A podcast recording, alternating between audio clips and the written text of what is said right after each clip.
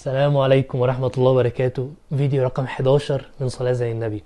النهاردة إن شاء الله هكلمكم على الرسول صلى الله عليه وسلم كان لما بيصلي بيقعد إزاي؟ سواء ما بين السجدتين أو في التحيات سواء التشهد الأول أو التشهد الأخير.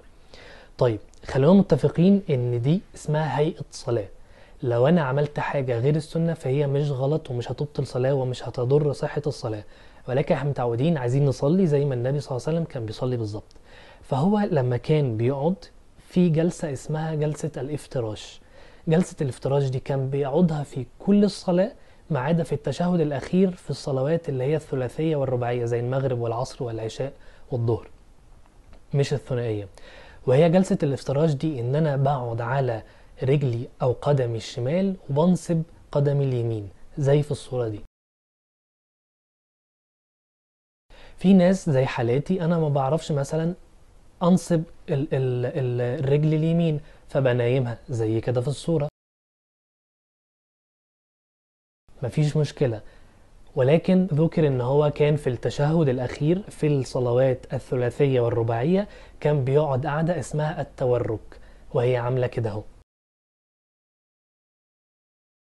هي إني بنزل رجلي من تحتي وبنصب رجلي اليمين. في ناس برضو زي حالاتي أنا ما بعرفش أنصب ما بعرفش أعمل صوابعي كده أهو.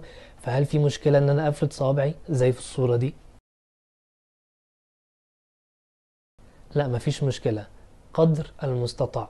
وذكر كمان في جلسة تانية اسمها الإقعاء. الإقعاء هي إني بنصب رجلي الاتنين تحتية زي في الصورة دي.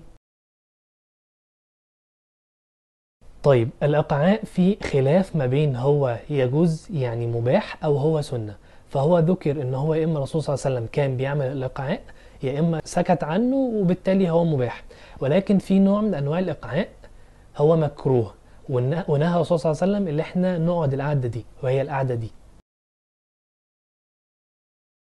وده الإقعاء المكروه هو قال إن إحنا ما نقعدش القعدة دي خالص.